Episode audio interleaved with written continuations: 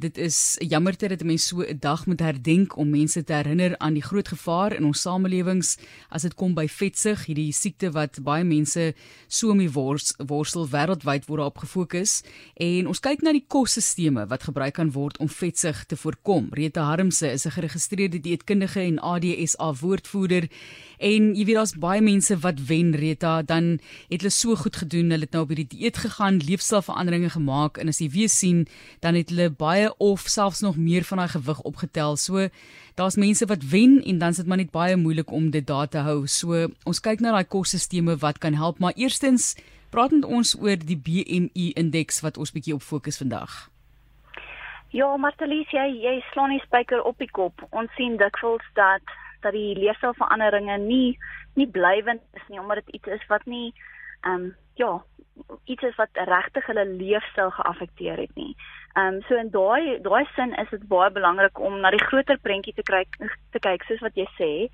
Spesifiek as mens kyk na BMI, dis nou die Afrika of die Engelse vir liggaamsmassa indeks, is dit spesifiek 'n uh, 'n waarde wat mense na kyk om te sien is iemand geklassifiseer as dalk oorgewig of sal hulle tel as obese.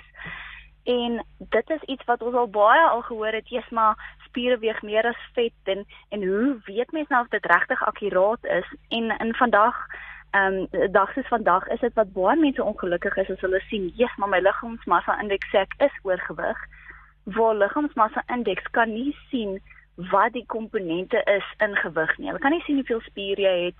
Dalk hou jy 'n bietjie meer vog terug want jy het dalk 'n meer souterige maaltyd geëet gister en en in baie sin wil ek al die luisteraars aanmoedig dit is LMI is nie 'n baie goeie maatstaf van van gesondheid nie dit is wat ons tans gebruik omdat ons weet ons het nie al hierdie ongelooflike tegnologie oral nie maar die meeste mense het daarom 'n skaal naby so dit is iets wat ons in die in die groter prentjie nie net op dit kan staatmaak om vir ons akkurate prentjie te gee as ek dit so kan noem nie Mens praat nou daar van die skaal. Die vraag is maar altyd, jy weet, is 'n skaal die regte ding of moet 'n mens liewer jouself meet? So net gevinnig daarin kom of jou vraag vra. Ek dink die skaal help want dit is vir jou 'n direkte aanduiding van waar jy staan van dag tot dag of in 'n mm. week byvoorbeeld, maar wat is jou opinie daaroor? Definitief, ek dink iets wat jy aan wat jy nou aanraak is uh, om jouself te meet. Een van die baie groot faktore waarna ons kyk spesifiek om te bepaal wat jou risiko is vir baie van die kroniese siektes, is die um, middelomtrek. So vir vrouens moet ons middelomtrek nie bo 88 uh, 88 cm wees, sorry, nie persent nie, sentimeter wees nie en vir mans bo 102 nie. Want die oomblik as dit is dan wys dit vir ons dalk dat die viscerale vet wat om ons organe is, wat wat in ons middelnumma is, is op die einde die wat ons 'n groter aanduiding kan gee. En dikwels sal mense sien die nommer op die skaal sal stil staan as jy byvoorbeeld met 'n oefenprogram begin Want onthou, dalk tel jy spier op en jy verloor vet en dis waar jou sentimeters, soos wat jy nou na verwys het, dis waar jy dit dan sal verloor. Jou vrae is welkom as jy dit vinnig genoeg kan stuur sodat ek dit daarna kan stel, daar kan sy vir jou ook help. Kom ons gepraat gou 'n bietjie oor, jy weet, eet minder, beweeg meer. Dit is die ding wat altyd maar gesê word en daar's baie mense wat sê ag, dis al wat jy moet doen, eet net minder en kry 'n bietjie oefening in. So, hoekom kan obesiteit volgens julle nie deur daardie kan ek maar sê eintlik wyse van leef aangespreek word nie. Ja, ek dink dit is baie keer dat mense wat self sukkel met metalgewig dat dat 'n stelling soos dit baie skade kan maak beide sielkundig en dan op die einde dat hulle net voel hulle word nie ondersteun nie. So ek wil sê ons is 'n globale samelewing moet almal ondersteun in hierdie. Ons gaan nou kom by die voedselstelsels, maar nie om enige iemand net ja, te laat voel dat hulle lui is, dat dit hulle skuld is nie. Ehm um, so ek dink 'n groot faktor is dat daar is baie genetiese komponente, dan het ons goed soos die stelsels waaroor ons nou gaan gesels. Ehm um, ander faktore is stres. Stres, nie genoeg slaap nie, hormone wat nie in ba balans is nie, speel 'n massiewe rol in in obesiteit en en en in gewig. En definitief is dit as ek gaan so ver om te sê as ek party van my pasiënte sien dat ek sê ons moet eers jou hormone aanspreek en jy en jou endokrinoloog moet mooi hierdie fyn beplan voordat ons enigsins kan probeer kyk aan aan um, om die gewig aan te spreek. So definitief behalwe vir die sielkundige element dat dat mense regtig mense kan seermaak, um, is dit ook 'n komponent dat dit is nie die enigste nie net kalorieë kal in kalorieë uit nie. Um dit speel definitief 'n rol ja, maar dis nie die grootste rol nie. Dit kan eintlik baie ongesond raak as jy daai balans ook nou heeltemal uit is want as jy nou weet min eet dan sê jou liggaam weer vir jou ander dinge. So dit is 'n groot groot krisis vir baie mense. Kom ons gesels oor voedselstelsels dan. Daar is inisiatiewe om obesiteit aan te spreek, te te werk. Watse voedselstelsels praat ons nou van? Is daai prentjie wat sê jou bord moet so lyk like, en soveel groente en soveel um, ek wil sê soveel brood en dan sal mense wat sal sê geen iets soos brood of pasta nie, maar dis eintlik moeilik om daai tipe van goed ook heeltemal uit te sny. Waarna verwys jy? So voedselstelsels waarna ek verwys is spesifiek om te kyk na die produkte wat ons ehm um, verskaffers en ehm um, in maatskappye beskikbaar stel. Ek moet sê dis 'n baie ehm um, opwindende ding om te sien as al gesonde produkte en reekse al 'n verskyning maak op rakke, maar iets wat wat ek van mening van is is ek voel dit moenie die die 10% wees nie, dit moet die 90% wees. Ons moet regtig ehm um, as 'n samelewing aanding en en regtig die die behoefte daaraan verhoog. Ek dink dit is as mens kyk na ekonomie um, om te sê wat is die vraag en wat is die aanbod? Ons moet 'n baie groter vraag na iets hê en dan sal die aanbod daarna verhoog. As ons net sommer kyk na die hoeveelheid vegetariese restaurante en vegan opsies wat mense sien op die rakke deesdae, wys dit vir ons dat ons vraag definitief iets kan affekteer. En ek dink die ander ding is ook om aan ag te neem dat dit as ons as verbruikers onsself bemagtig en te weet hoe om etikette te lees en te weet hoe om voedselstelsels ehm um, wat wat ons gesondheid bevorder te prioritiseer, dan kan mens definitief 'n verskil maak in in die globale ehm um, Suid-Afrika nou, maar as die globale ehm um, samelewing meer gesond te wees en in minder te sukkel met obesiteit. Maar net om dit terug te kom tot waar, waar jy praat van die bord, ek dink dit is net so belangrik om te besef dat baie van hierdie veranderinge is klein goed wat ons kan doen. Ons kan nie dalk al die verskaffers um, en die produkte op die op die rakke um, beïnvloed nie, maar ons kan dalk my bord seker maak dat halfte van my bord is groente of slaai. 'n kwart van my bord soos jy verwys na die stysel. Ja, as ons 'n volgrond stysel het wat vir my la lang ehm um, dierige energie voorsien, kies definitief is dit 'n goeie opsie asseblief. Met so pastas en en brood as dit jou volgrane is, is definitief ehm um, 'n baie belangrike komponent wat ons nie wil uitsny nie. En dan om so maar as moontlik jou proteïene te kies. Ook 'n kwart van jou bord, weet jy, soos al die Afrikaanse mans vir my ongelooflik kwaad Maar die porsie grootte moet eintlik so groot soos jou palm en so dik soos jou palm wees. Um, so dat ons besef daar's plekke waar ons self keuses kan maak en wat ons verandering kan beïnvloed by verskaffers ook. Weereens jou vra welkom as jy saam wil gesels. So, wat kan ons regtig doen aan hierdie voedselstelsels? Jy het nou daaraan geraak 'n bietjie, jy weet. En daar's baie dinge wat 'n mens dink byvoorbeeld gesond is. Daar's vir jou gesê as kind, ag, eet soveel vrugte as wat jy wil, dis gesond vir jou. Ag, eet soveel vis as wat jy wil, dit is gesond vir jou. En dan vind jy later aan uit dit werk nie so nie. Jy kan nie net 'n hele avokado opeet en dink dit gaan nie effek hê nie.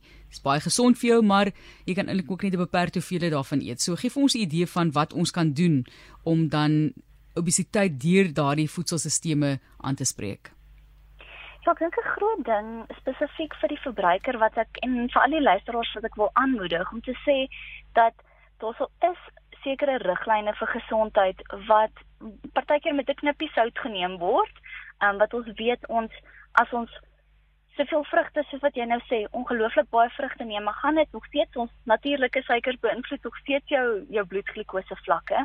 Aan die ander kant is dit wel ook om te leer om vir jou liggaam wel te luister as mens gaan kyk na faktore soos die veselinhoud wat mens met vrugte en groente inkry, is die kans dat jy 3 appels na mekaar gaan eet baie minder as wat jy een groot glas appelsap gaan eet of gaan gaan drink. En dit is dieselfde hoeveelheid kalorieë wat jy inkry.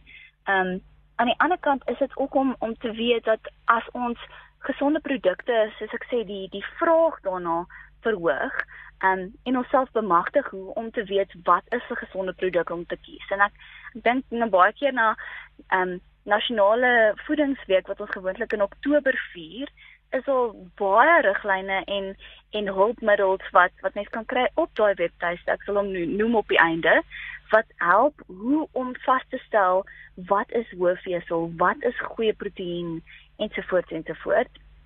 Ek dink so is die departement van gesondheid ook besig op 'n op 'n rigting is iets wat ons noem front of pack labeling. So voor pak etikettering as, as ek nou net so direk kan vertaal wat vir ons 'n direkte aanduiding gaan kan gee is hierdie produk 'n gesonde produk. So ek dink om jou vraag te antwoord is tweeledig die voedselindustrie en die die departement van gesondheid en en verenigings soos ons by by die dietkunde vereniging op die einde om 'n verskil te maak vir die beleide ensovoorts maar as die ehm um, vir uh, verbruikers en en luisteraars dit ook op die einde om daai klein veranderinge aan te bring vir jouself aan die aan die verbruiker se kant en en aan te dring dat dat daar gesonder produkte op die mark is vir jou vir jou kinders en vir die generasies om te kom. Kom ons gesels gou oor die etikette en dit is nou nogal 'n moeilike ding dink ek vir ons as verbruikers. Laastens, jy wil weet wat daar staan, jy wil verstaan wat daar staan en daar's baie produkte en ek praat nou nie hier van die handgemaakte produkte wat jy nou by iemand 'n stalletjie koop nie. Daar's produkte wat jy baie keer koop wat regtig net nie sê hoeveel vet daarin is, hoeveel sout en suiker daarin is byvoorbeeld nou nie. So gee vir ons 'n idee van die departement van gesondheid se front of pack labeling wat julle nou wil doen. So dit gaan nie meer agterop wees soos ek verstaan nie. Vertel vir ons. Ja, so julle sal sien dat baie van die ehm um, van die oorseese ehm um, etikettering, ek dink byvoorbeeld aan Amerika en in Brittanje, het hulle 'n uh, tipe van 'n traffic light, 'n uh, 'n uh, verkeerslig wat vir jou sal sê hierdie produk is 'n rooi produk, want dit gaan vir jou dadelik 'n indikasie gee dat jessie, dis eintlik nie 'n produk wat ek elke liewe dag moet neem nie. Ek dink net byvoorbeeld aan aan sekere van die etiketterings wat um, spesifiek die diabetes um uh uh, uh diabetes foundation hulle spesifiek het sekere produkte wat hulle sê hierdie is 'n soms neem mens dit nie nie elke dag nie en dan is daar een met groen is wat sê jy kan hierdie meer as ge, soos jou dit jou basis van jou dieet maak jy kan dit meer gereeld inneem. Nou dit is die tipe ding waarvoor hulle wil gaan met die front of pack labeling. Daar is ons nog baie ehm um, insette wat gehoor gaan word en wat ingesit word, maar ek dink nou spesifiek aan aan insette wat ons gegee het is om te sê as jy as verbruiker dadelik na die produk kan kyk en kan sien yes, hierdie produk is 'n gesonde produk. Ek kan hom neem en ek kan hom vir my kinders gee met 'n geruste hart teenoor produkte wat dalk nie so gesond is nie wat mense dalk twee keer oor moet dink. Um iets wat spesifiek by my opkom, um nou wat jy so genoem het sekere produkte wat mense nie die hoeveelheid vet en die hoeveelheid sout kan sien nie, is om agter te kom hoeveel produkte eintlik baie hoë hoeveelhede sout in het. Iets soos byvoorbeeld ontbytpappe wat ongelooflik hoë uh, soutinhoud het wat is maar net omdat dit so gepreserveer is sodat langer kan hou maar wat terselfdertyd met die ehm um, hoeveelheid ehm um, hipertensie pasiënte wat ons het in in Suid-Afrika, hipertensie leiers, hoë bloeddruk, is dit nie iets wat ons ehm um, sommer net vir elke dag as ons basis van ons van ons maaltye wil hê nie. So definitief wil ek julle aanmoedig om daai hulpbron hoe om etikette etikette te lees, te gaan kyk op die ehm um, nasionale voedingsweek se se webtuiste. Al die vorige jare se se inhoud word ook daar gestoor. Ehm um, so dit is ehm um, ek weet nie of moet ek dit sommer nou sê nie, maar ehm um, die die webtuiste waar waar baie ekstra inligting wat definitief jou gaan help en jou bemagtig as 'n verbruiker ehm um, gesien kan word.